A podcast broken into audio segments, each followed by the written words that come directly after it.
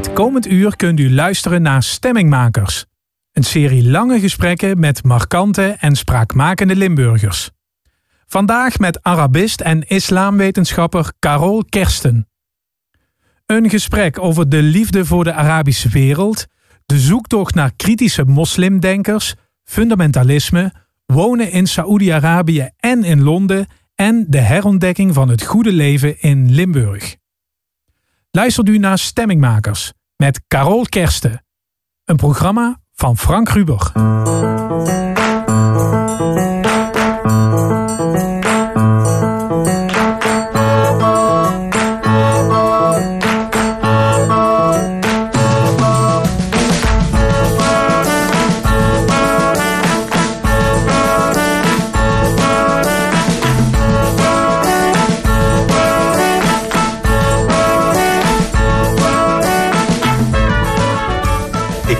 Buurt, ik ben hier opgegroeid en eh, ik moet zeggen, ik vind het ook eigenlijk erg leuk om hier weer te wonen.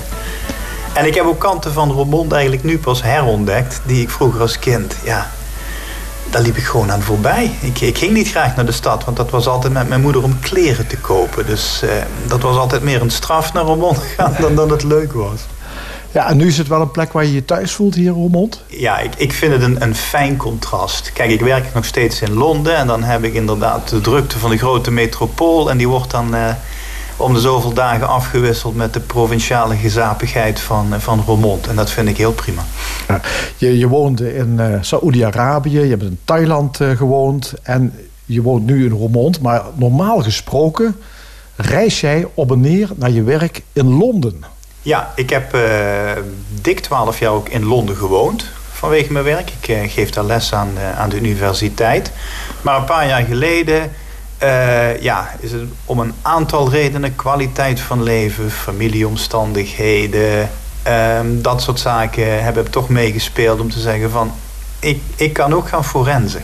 En dan heb ik het beste van twee werelden. En zo heeft dat zich toch wel de afgelopen drie jaar ja, is dat zo wel uitgepakt, vind ik. En je zegt de kwaliteit van leven, die is dus in Roermond hoger dan in Londen? Niet alleen in Roermond, maar in Nederland in het algemeen. Kijk, ik heb op uh, vier plekken op de wereld, op, op drie continenten gewerkt. En uh, Nederland is zo slecht nog niet. We klagen graag, maar uh, ik denk als puntje bij paaltje komt... dat de meeste mensen het, het hier ook wel oké okay vinden. Ja, Gezondheidszorg, onderwijs dat is hier toch wel goed voor elkaar. En de kosten van levensonderhoud. Kijk, Londen is een van de duurste steden van de wereld. En ik ben geen bankier. Ik zat, ik zat in de academische wereld. En ik was ook de hoofdbroodwinner. Nou, dan, dan is Londen echt wel duur hoor. En op het moment lees ik zelfs berichten dat de miljardairs de miljonairs Londen uitduwen. Zo, ja. En je werkt dus nu in Roermond. Want door de corona kun je niet forensen. Maar dat deed je dus hiervoor wel. Dan ging je één keer per week op en neer? Ja, tijdens de, de semesters dat wij college moesten geven. En in Engeland zijn die beduidend korter dan, uh, dan hier uh, aan Nederlandse universiteiten. Ging ik inderdaad voor een paar dagen naar Londen. En dat is vanuit Roermond ook makkelijk te doen. Je kan vliegen vanaf Eindhoven of wat ik liever doe met Eurostar via Brussel um, naar de stad. En dan bleef ik daar een paar dagen en dan, dan kwam ik weer terug. Ja, dat doe ik al een jaar of drie, vier. Ja, en nu dus door de hele coronatoestand ook gekluisterd aan je werkplek hier in Roermond. En dat kan prima? Ja, ik zit daar niet zo mee. Kijk, in de tijd dat ik in Londen geen college hoefde te geven... en dat was uh, zeg maar eigenlijk van het voorjaar tot, uh, tot de late zomer... Werk, was ik eigenlijk al een thuiswerker. Ik ging wel sporadisch er naartoe... maar het soort werk wat wij doen... waarbij ook de, ja, de middelen die wij gebruiken steeds meer uh, online beschikbaar zijn... kon ik vaak, vooral het onderzoek waar wij de, de zomermaanden aan spenderen.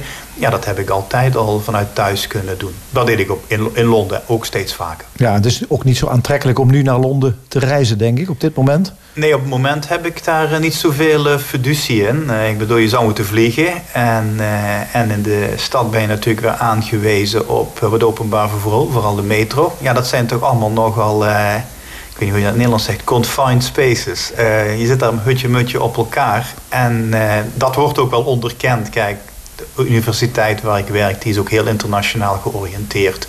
En die weet dat uh, ook voor het komend jaar heel veel studenten tegen allerlei reisbeperkingen gaan aanlopen. Dus wij zijn nu met man en macht bezig om steeds meer online aan te bieden. En komende maand ga ik toch een heel zwikje cursussen over volgen om het toch allemaal een beetje aantrekkelijk te maken voor de studenten en levendig te houden.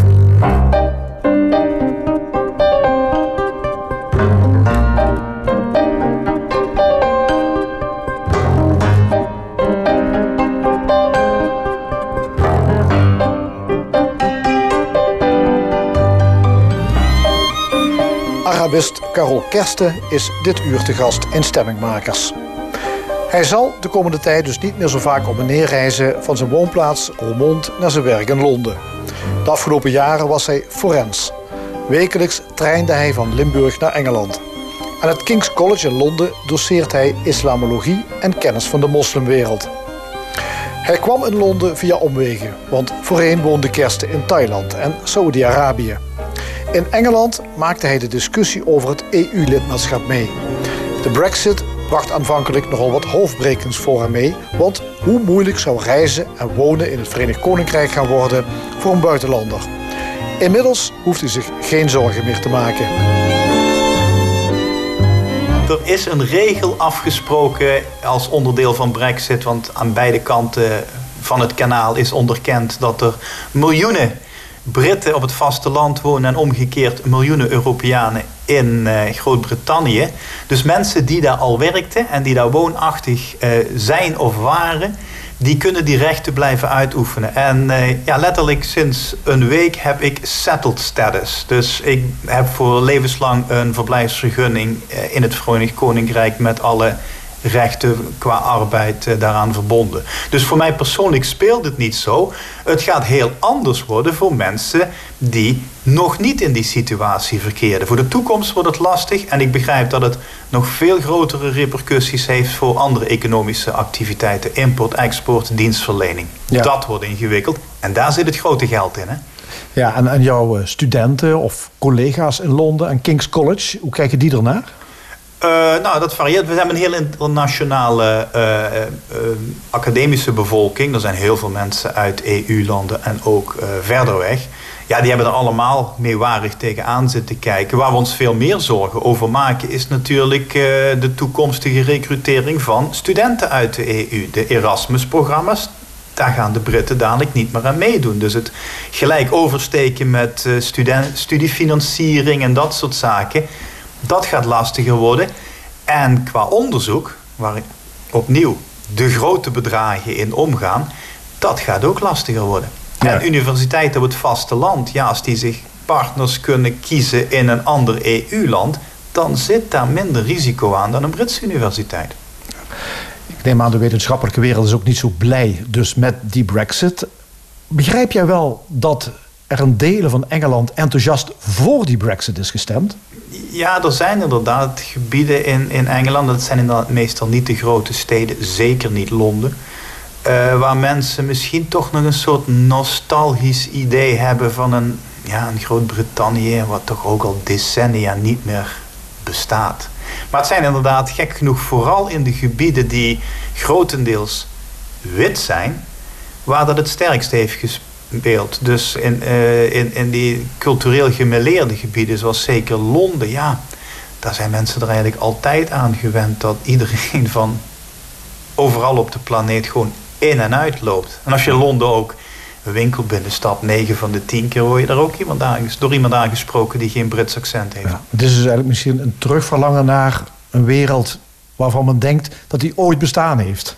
Ik denk dat die ooit bestaan heeft, maar die was ook niet zo romantisch als, uh, als die in de herinnering van mensen voortleeft. Dat zien we nu ook al met uh, politieke zaken die, uh, die spelen. Ja. Ken jij liefstemmers? nee. op universiteiten ben ik er geen tegengekomen. Ik denk dat daar de overweldigende meerderheid gewoon voor voortzetting van de banden met de EU was. Ik, ik ken er gelukkig geen.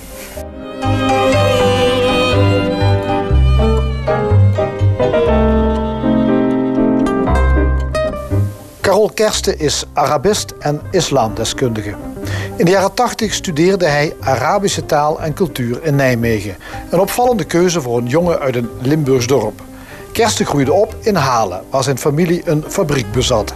Hoe zag het gezin eruit? Nou, heel gewoon. Vader, moeder en uiteindelijk drie kinderen. Ik ben de oudste. En uh, ja, ik ben inderdaad opgegroeid in een, uh, ja, een dorpje wat ze hier in de verkeerde kant van de Maas noemen.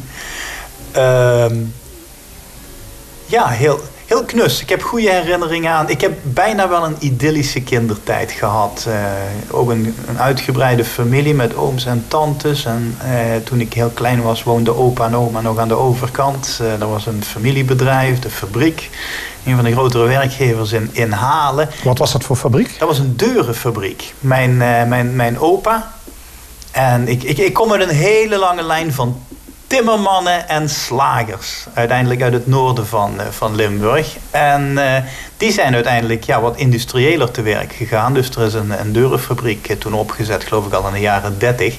Ja, dat was het familiebedrijf. En daar waren de kerstes toch wel onlosmakelijk mee verbonden.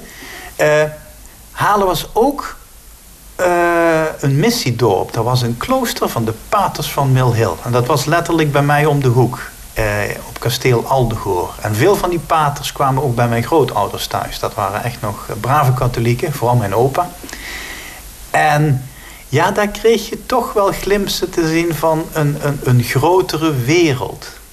En, uh, want, want zij vertelde verhalen die jij ja, beluisterde? Er was elk jaar ook een, uh, volgens mij was dat met alle zielen, was er een, uh, een bijeenkomst op Aldegoor met een, een, een, grote tentoonstelling. En ik kan me nog herinneren dat er een keer een pater was die daar dus helemaal opgetuigd in traditionele dracht een Dayak-dans uitvoerde.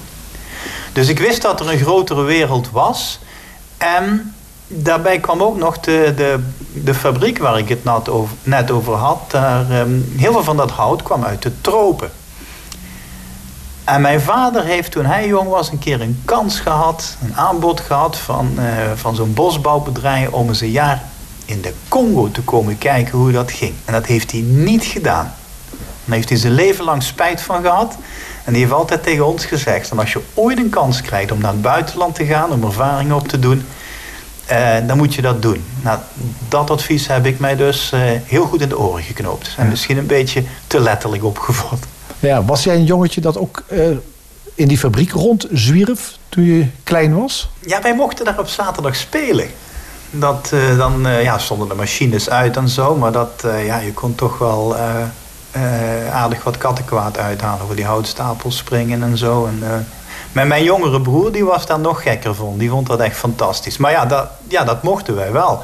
Dat zou je niet met de arbeidsinspectie niet meer voor elkaar krijgen. Nee. Was jij een, echt een dorpsjongen? Ik denk het wel, ja. Ja, ik was ook uh, vrij stil, denk ik. Ik kon me heel goed zelf vermaken. Ik, ik, kon, ik, ik tekende heel veel als kind. Ik zal niet zeggen dat ik erg goed was. Misschien voor een kind wel, wel maar ik ben denk ik op het niveau van een 10, 12-jarige blijven steken. Maar uh, ja, een beetje een dromer was ik wel. Tekenen en lezen, dat... Uh, meer dan een buitenjongen eigenlijk. Ja. Alhoewel, ja, rondom Halen, het Leudal, daar, daar speelden we eigenlijk ook wel veel. Ja. Als het weer het toeliet. Je had de jongens die waren bij de voetbalclub. Je had de jongens die zaten in de harmonie. Waren er ook nog die waren misdienaar. Ik heb alle drie niet gedaan. ik ben nog misdienaar geweest. Voetballen kon ik al helemaal niks van. En uh, ja, gek genoeg, uh, muziek lijkt ook wel of dat een generatie heeft overgeslagen. Mijn, uh, zowel mijn vader als mijn grootvader die zaten in het kerkkoor. En mijn vader is inderdaad eeuwenlang ook uh, penningmeester of secretaris penningmeester geweest van de harmonie. Maar uh, dat, dat heeft zich bij mij altijd een beetje in de periferie afgespeeld. Het was er wel, maar ik was er niet direct bij betrokken. Ja. En die fabriek, daar had jij niet zoiets van daar wil ik ook iets mee. Daar wil ik in, in verder. Nee, heb ik nooit gehad, die ambitie. Dat is heel gek. Dat heeft bij mij nooit gespeeld. Terwijl dat voor mijn vader en, zijn, en mijn oom was dat een voldongen feit. Van, uh, ja, jullie nemen de zaak over. Ik heb mijn vader wel eens gevraagd... als je dat nou niet had gehad, wat, wat was je dan graag geworden? En dan zei hij, daar heb ik echt geen antwoord op. Daar heb ik nooit over hoeven nadenken. En dat heb ik dus ook nooit gedaan. Maar ik heb altijd wel belangstelling gehad voor geschiedenis en, en andere culturen.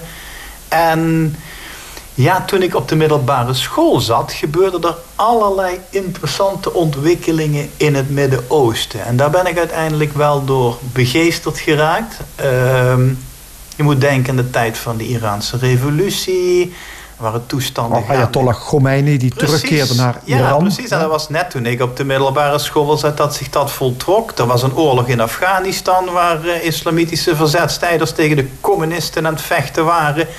Uh, Israël en Egypte besloten een vredesakkoord te sluiten, maar dat heeft de Egyptische president met de dood moeten bekopen. Ja, er was ook nog een oorlog, volgens mij in die tijd, Israël in Libanon. Hè? Was de bezetting in Libanon. Daarna, een beetje later, brak er ook oorlog uit tussen Irak en Iran. En eh, nou, toevalligerwijs zijn wij in de jaren 70, 80 ook twee keer naar Noord-Afrika op vakantie geweest. En in Marokko en Tunesië. En ja, het was bij mij een beetje, wie zijn die mensen? Het kan heel goed zijn als ik ergens anders een keer was geweest of zo. In China of Zuid-Amerika. Dat ik misschien eh, interesse had gekregen om sinoloog te worden of, of antropoloog. Maar het, is gewoon, het heeft zich wel gefocust op dat Midden-Oosten. en daardoor koos jij, even kijken, de studierichting talen en culturen van het Midden-Oosten aan de Universiteit in Nijmegen. Ja. dat heb ik eigenlijk op 5 voor 12 beslist. Ik, ik had belangstelling voor het Midden-Oosten, maar ik dacht eerst van dan eh, doe ik de conventionele keuze. Ik ga of rechten doen of internationale betrekkingen, misschien geschiedenis. Maar me dan wel specialiseren in het Midden-Oosten. Maar toen uh, puntje bij paaltje kwam, uh, kwam ik erachter dat ze in, in, in Nijmegen iets nieuws gingen doen. Iets wat ze in Amerika area studies noemen. Dus dan hou je je met een bepaalde regio bezig probeert de taal uit zo'n gebied te leren. En voor de rest krijg je introducties in de geschiedenis, de religies en, en de bredere cultuur van die landen. En ik zei, dat ga ik doen. Mijn moeder dacht dat ik gek was geworden. Uh, mijn vader zei, nou, als, als iemand echt uh, gemotiveerd is, dan worden ze er meestal wel goed in. Dus die, uh, die had daar wel wat meer vertrouwen in. Ja. ja. En toen ben ik in Nijmegen inderdaad Arabische en Midden-Oosten studies gaan doen.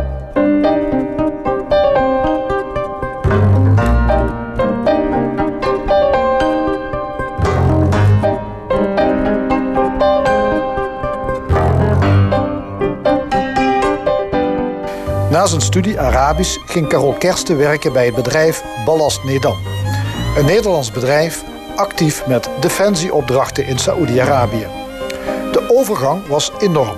Van de eenvoudige studentenkamer met alleen een bed en bureau kwam hij terecht in de ongekende luxe van de expats.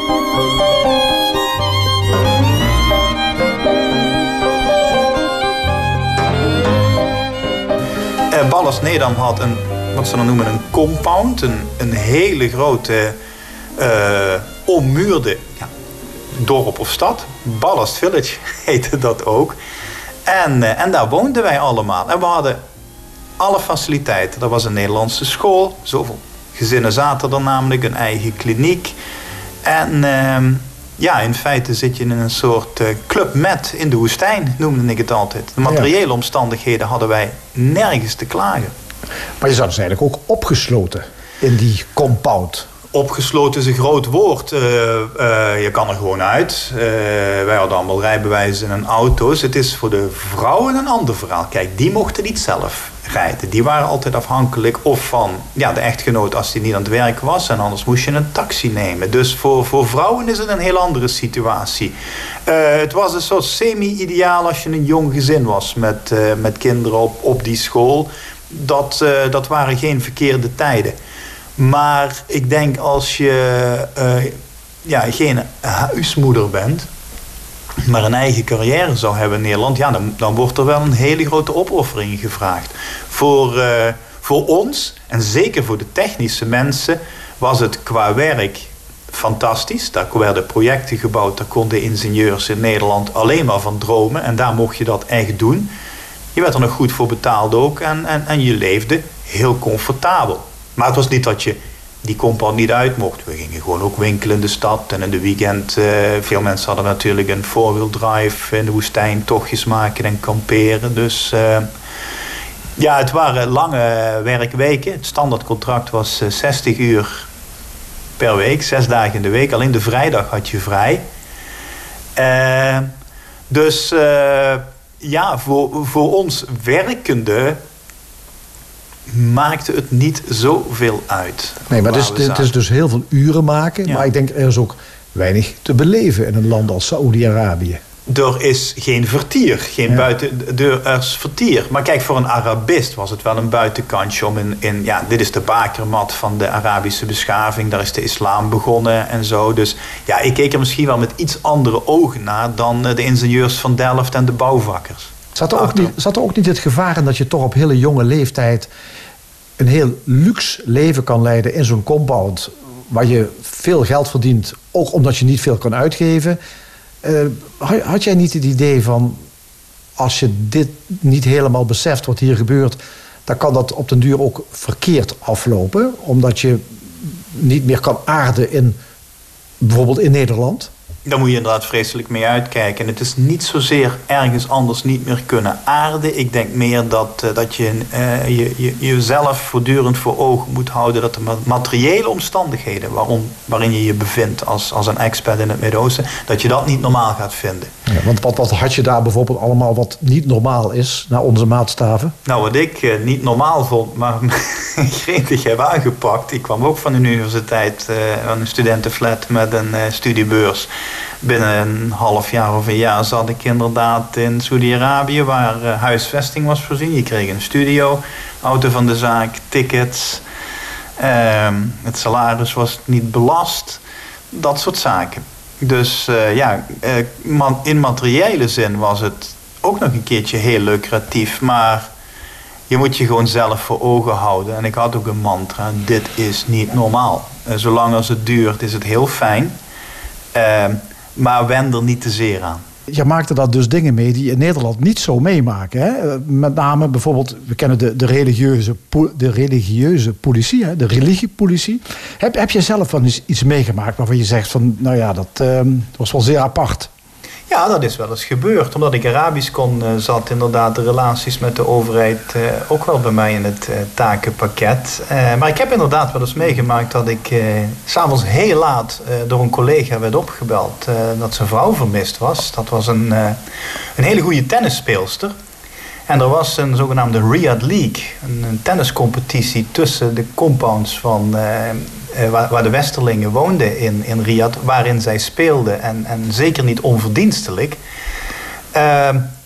Dus op een avond had mijn collega zijn echtgenoot naar die compound gebracht om een tenniswedstrijd te spelen. Maar die hadden kleine kinderen thuis, dus die moest terug. En uh, de voorzitter van de Tennis League, een Egyptische dokter, die, uh, die goed bekend was met de familie, die, die zou mevrouw daarna wel even terugbrengen naar de compound. Het probleem was alleen dat de religieuze politie daar op de uitkijk stond. Wat? Het gewoon ergens in de auto stappen bij een andere man, dat kan niet. Nee, er zijn inderdaad regels in Saoedi-Arabië dat vrouwen mochten tot heel recent überhaupt zelf geen auto's besturen.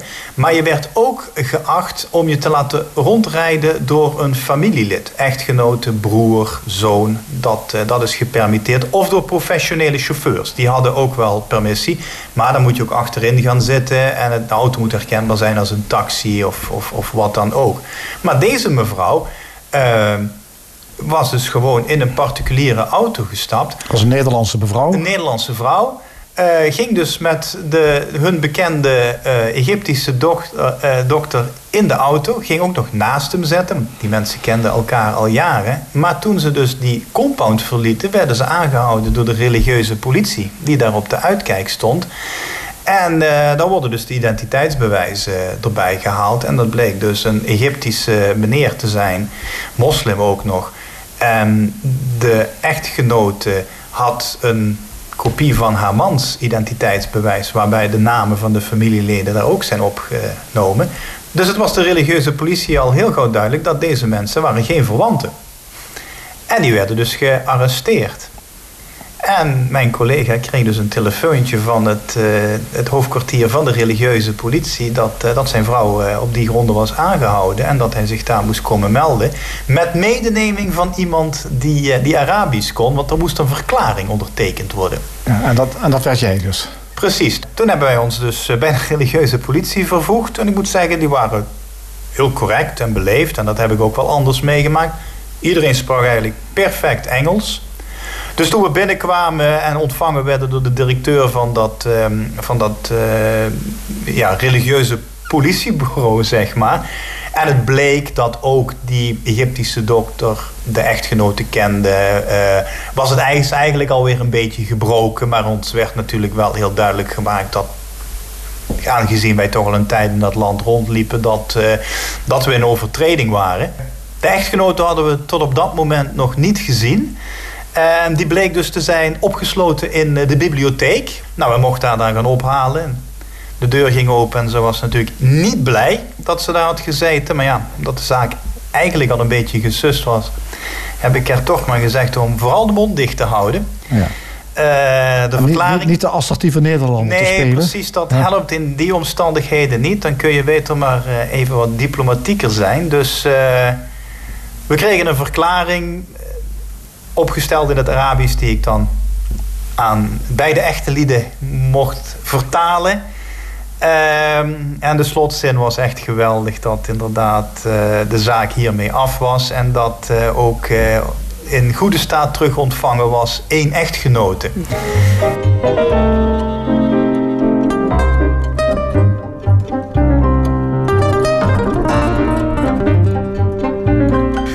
kennismaking van Carol Kersten met de fundamentalistische maatschappij in Saoedi-Arabië vond plaats in de jaren 90.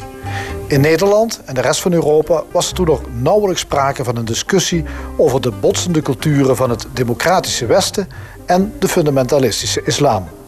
Maar na 11 september 2001 verandert dat. Aanslagen in New York, Parijs, Brussel, Bali en vele andere plekken. Opeens staat bij veel mensen de islam voor extremisme en terrorisme. Maar islamdeskundige Carol Kersten houdt zich juist niet met die radicale stromingen bezig. Hij zoekt het tegengeluid. Radicale islam is een probleem. Maar dat is vooral iets voor uh, veiligheidsexperts, politicologen, uh, wetsdienaren. Uh, op, op, op intellectueel niveau gaat dat niet zo diep. Het is een ideologische manipulering van een religie.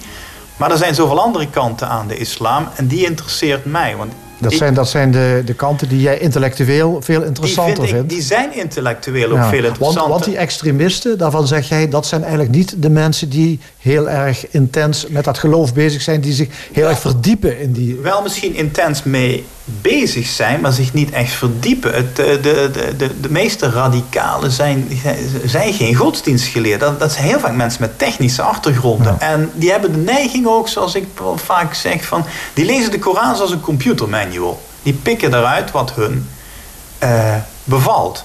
Maar uh, godsdienstwetenschappers, ja, die, die letten ook op context, historische ontwikkelingen.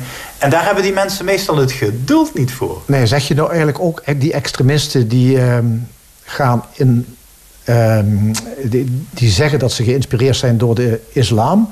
Maar ze hadden misschien ook wel door een andere uh, ideologie ja. Eh, geradicaliseerd dat, kunnen worden. Dat is ook gebeurd. Ik bedoel, in de jaren 50 en 60 had je ook in, in het Midden-Oosten enorme invloeden van, van linkse ideologieën.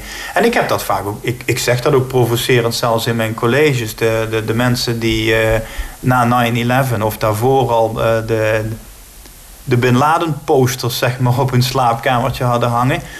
die droegen in de jaren 60 het Che Guevara t-shirt.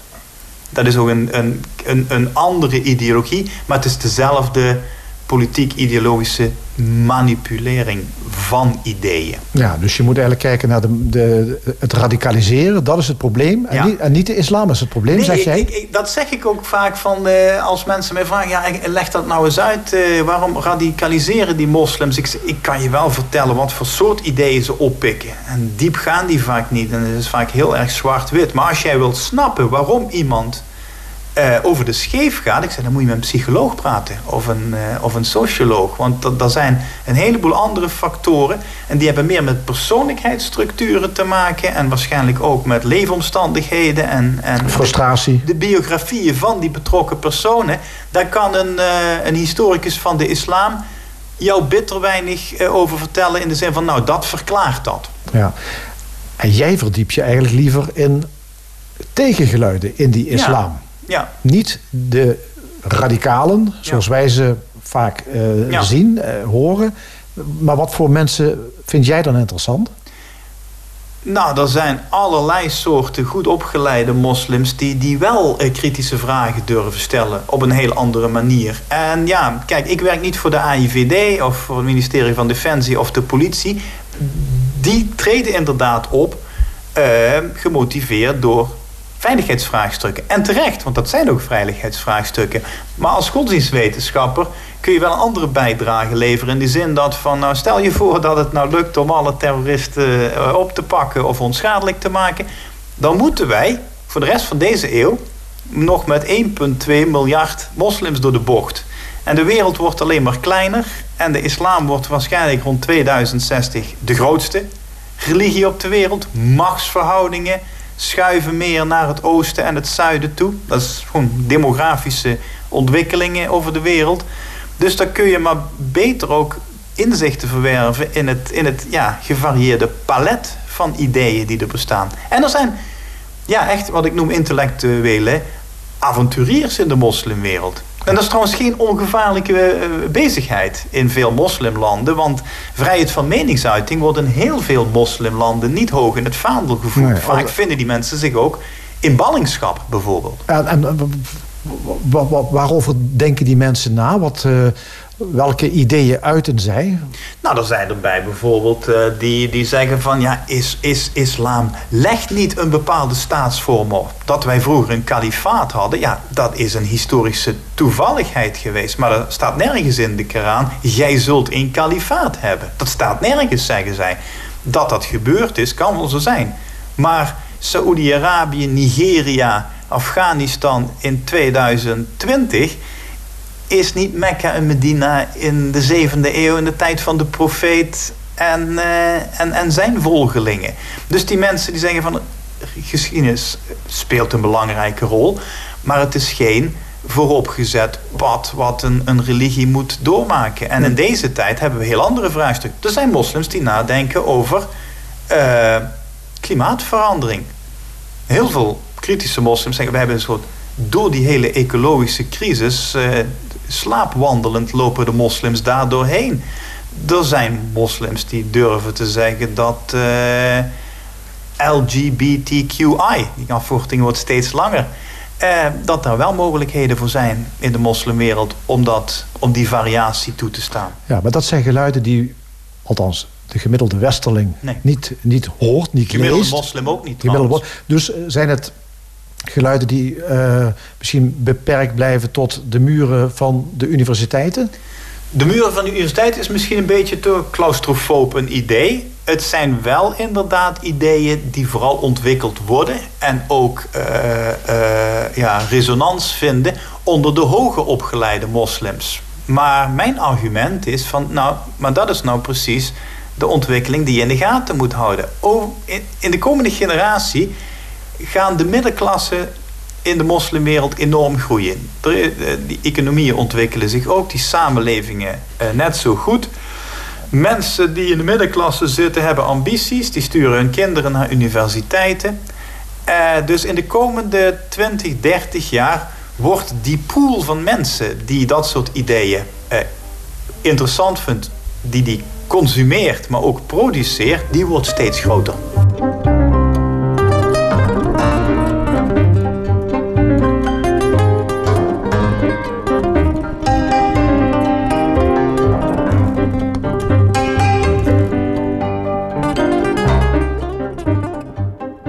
Ben je moslim? Nee, ik ben geen moslim.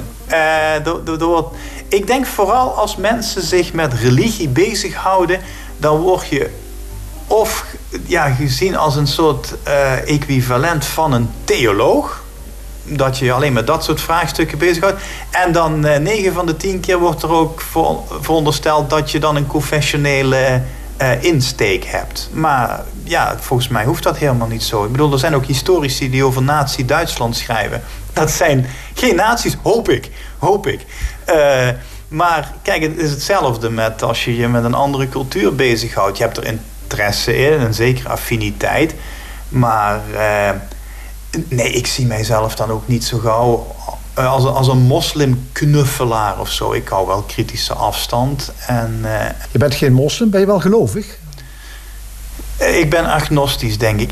Ik denk dat mijn fascinatie met religies juist is dat ik... Ik zelf heb niet zulke sterke overtuigingen. En dat ik gefascineerd ben door mensen die zeggen... Ja, waarom winden die zich zo ontzettend op over dat soort zaken... terwijl er wetenschappelijke kennis beschikbaar is... Waar je, ja, die je toch ontzettend aan het twijfelen brengt. Over allerlei religieuze doctrines en dogma's. Of je het nou over het christendom, het boeddhisme, shintoïsme of de islam hebt. Uh, maar je kan niet ontkennen dat het voor heel veel mensen gewoon ja, een, een, belangrijke leidraad en motiverende factor is. Ook voor dingen die niet rechtstreeks met zeg maar, spiritualiteit of, of dat soort zaken te maken hebben. Ja, en ik kan me voorstellen dat jij ook vaak met, me, met mensen in contact komt... waarvan het misschien ook wel onbespreekbaar is om te zeggen dat je niet gelovig bent. Ja, dat is vaak heel moeilijk en dan moet je nog een beetje diplomatiek en delicaat uh, met omgaan. Want inderdaad, in heel veel uh, islamitische landen was inderdaad stond niet gelovig zijn of, of atheïst vind ik altijd, dat is eigenlijk ook weer een geloof. Heb je ook alweer beslist dat er geen God is. Agnostisch, dan uh, blijf je een beetje op het hek zitten van het zou kunnen. Want bewijs dat het er wel of niet is, ja, hebben we niet echt. Het is een overtuiging die je accepteert of niet. Uh, maar dat soort dingen, ja.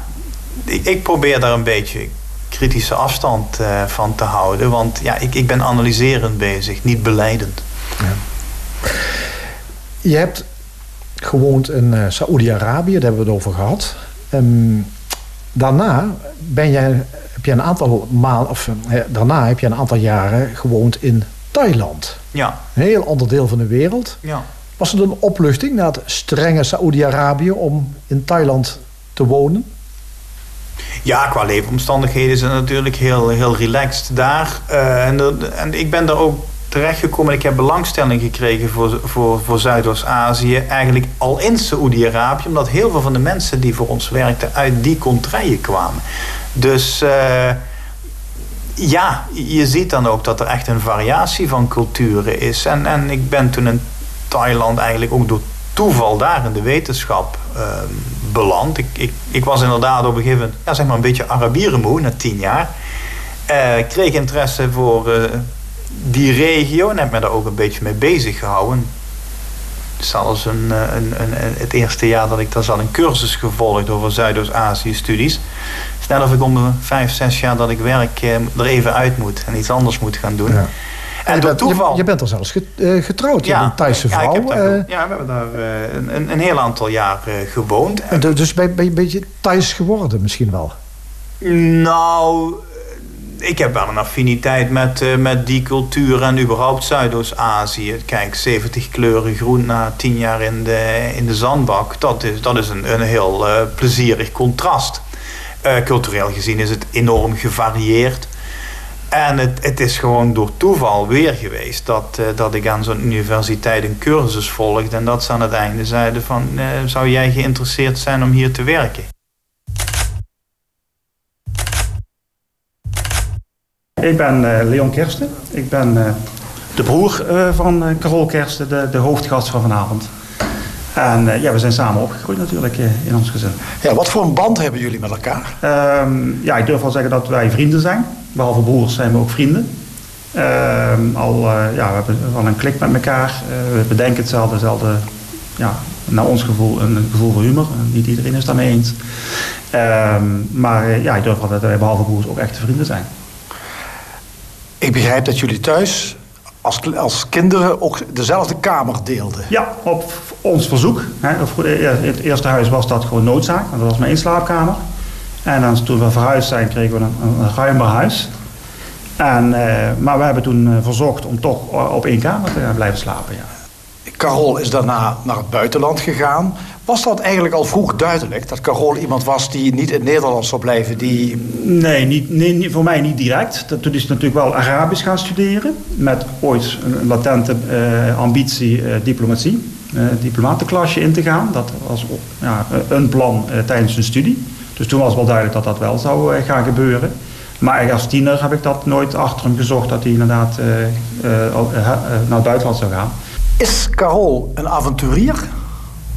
Ehm, mooie vraag. Uh, ik denk het wel, ergens. Ja. Want hij heeft toch wel uh, ja, op plekken gewoond waar men normaal niet, niet zo snel woont. Ehm, durft ook gewoon zijn boeltje op te pakken, zijn gezin te verhuizen van naar drie, vier landen. Ja, dat vind ik toch wel avontuurlijk, ja. ja. Terwijl hij ook alweer heel graag terug in Limburg is. Heel lang niet. Uh, hij zei tien jaar geleden, of nou ja, tien jaar geleden, ik, ik, ga nooit meer naar Nederland. En dat is de laatste jaren veranderd. En ja, sinds een paar jaar woont hij hier ook. En met, tot volle tevredenheid. En zegt hij ook van ja, eigenlijk is het hier nog niet zo, niet, niet zo gek. Wat is er dan veranderd met hem? Uh, nou, ik denk dat het een stukje leeftijd is. dat je teruggaat, uh, misschien wellicht naar, naar, naar je roots.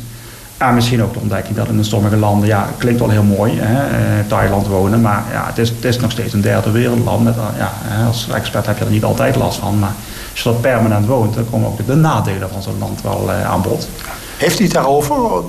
Nou, de, de, als hij nu vergelijkt hoe het in Nederland geregeld is en in andere landen waar hij gewoond heeft, dan zeg ik, nou, we, we moeten eigenlijk niet, helemaal niet klagen. Is hij meer een intellectueel of meer een zakenman? Hij is meer een intellectueel ja.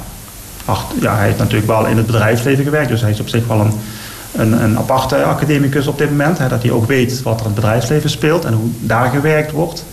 En minder vergaderd wordt en dat soort zaken. Maar ik denk nu dat hij toch wel, zeker nu na, na tien jaar, dat hij alweer een academische wil, dat hij toch wel een intellectueel is. En dat blijkt ook wel dat hij natuurlijk eh, ja, ondertussen van tien boeken, eh, academische boeken gepubliceerd heeft. Jullie maken samen lange wandelingen, begrijp ik. Ja, dat klopt. Dan heb je tijd ook om te praten. Ja, daarom doen we dat ook. Ja. Waar, waar, gaat, waar gaan die gesprekken over? Ehm, ja, meestal lossen we dan alle problemen van de wereld op. In de tijd die we dan hebben, dat lukt ons samen ook wel. Alleen, ja, niemand luistert natuurlijk naar ons.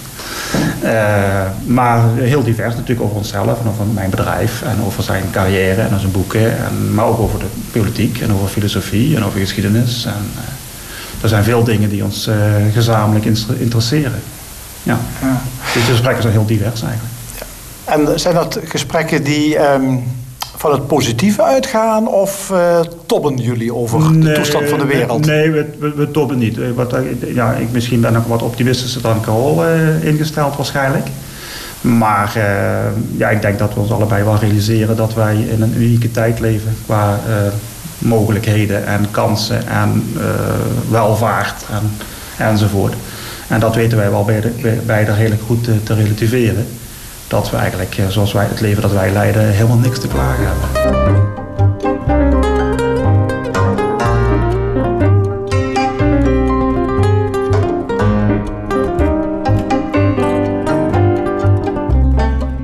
Krijg jij wel eens kritiek op het feit dat jij je bezighoudt met ontwikkelingen in de moslimwereld? Dat men dus jou eigenlijk verwijt als niet-moslim. Dat jij schrijft over de denkwereld van moslims, terwijl het jou eigenlijk niet aangaat? Dat is tot nog toe meegevallen.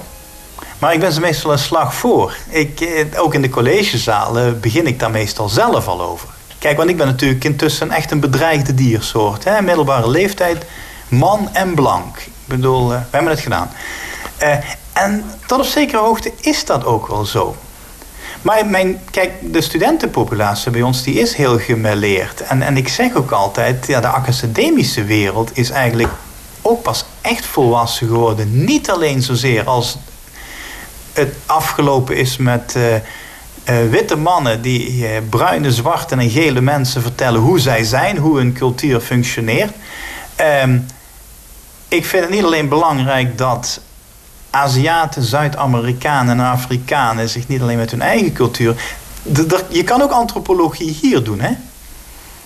Het, wordt, het, is, het argument zou kunnen zijn, hou je daar maar mee bezig. En nee, nee, wij kunnen dit wel zelf vertellen. nee, juist niet. Ik vind het moet alle kanten op gaan. Ik zeg van, laat maar een Nigeriaanse antropoloog naar Nederland komen... en, uh, en Nederlanders bestuderen.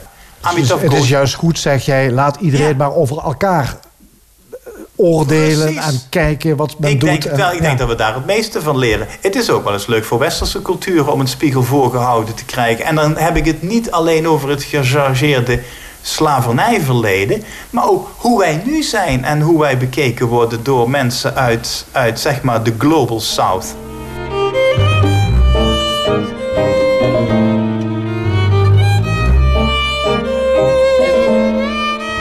Wij vragen elke gast in Stemmingmakers soms om een haiku te maken. Ja.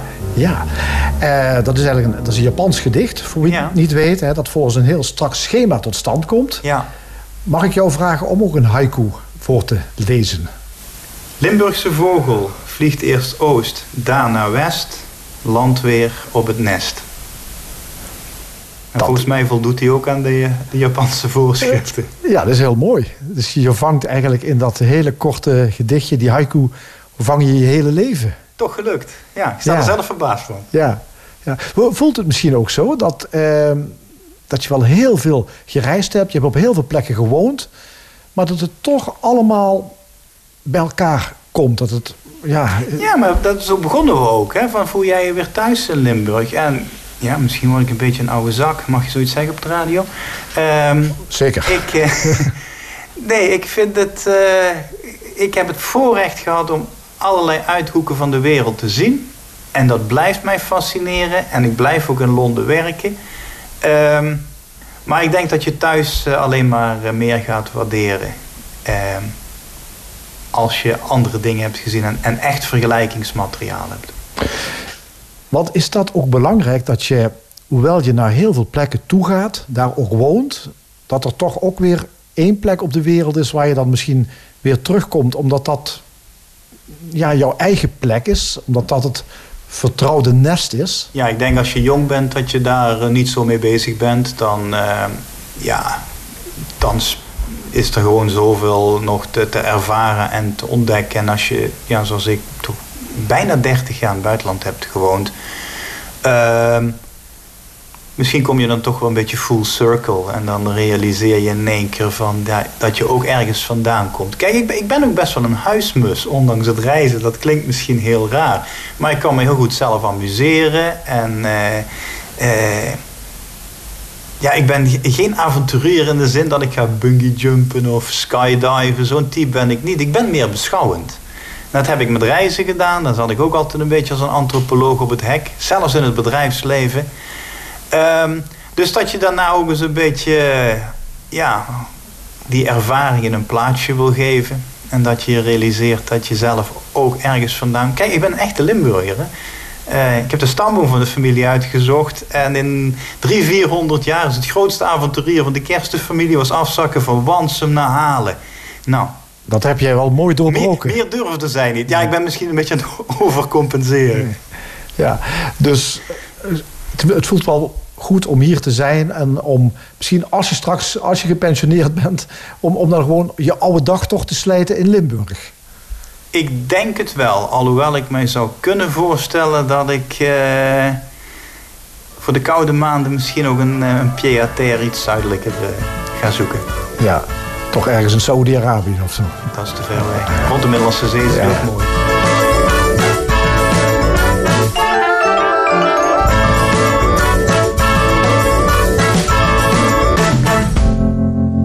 U heeft geluisterd naar Stemmingmakers. Deze keer met Arabist en islamoloog Carol Kersten. Samenstelling Frank Ruber.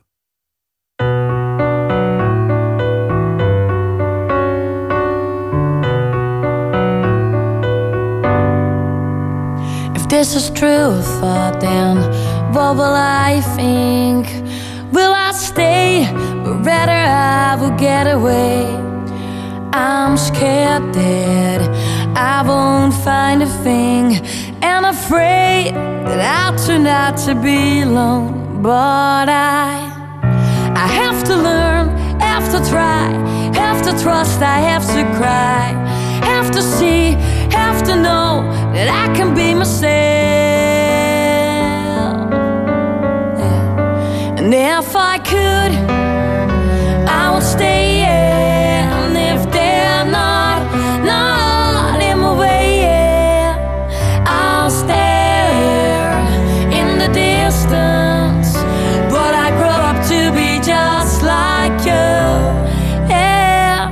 I grew up to be just like you. Yeah.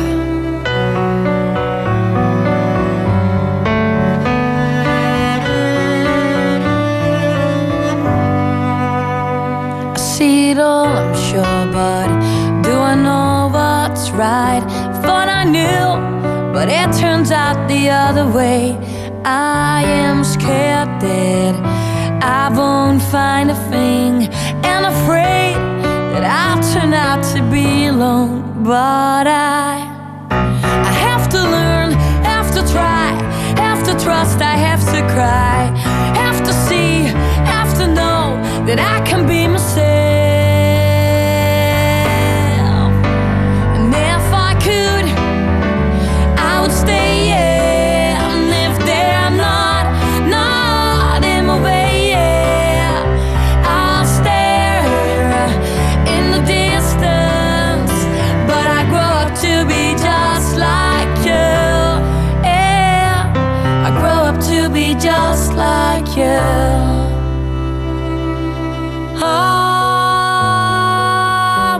tell you why would I try would I try to? you are all that I can see now why would I try to? And I wanna tell you why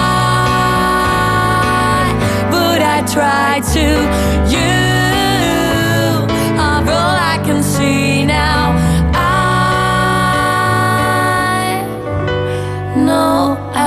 try to.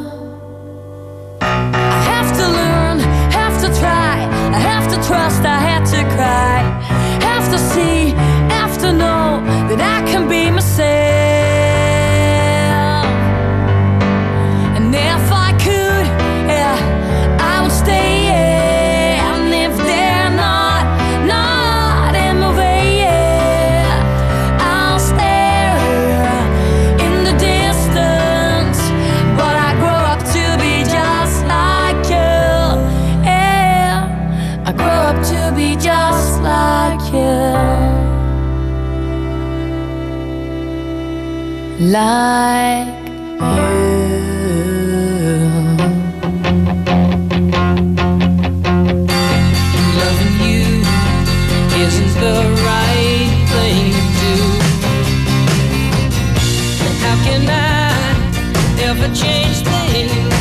feel? If I could,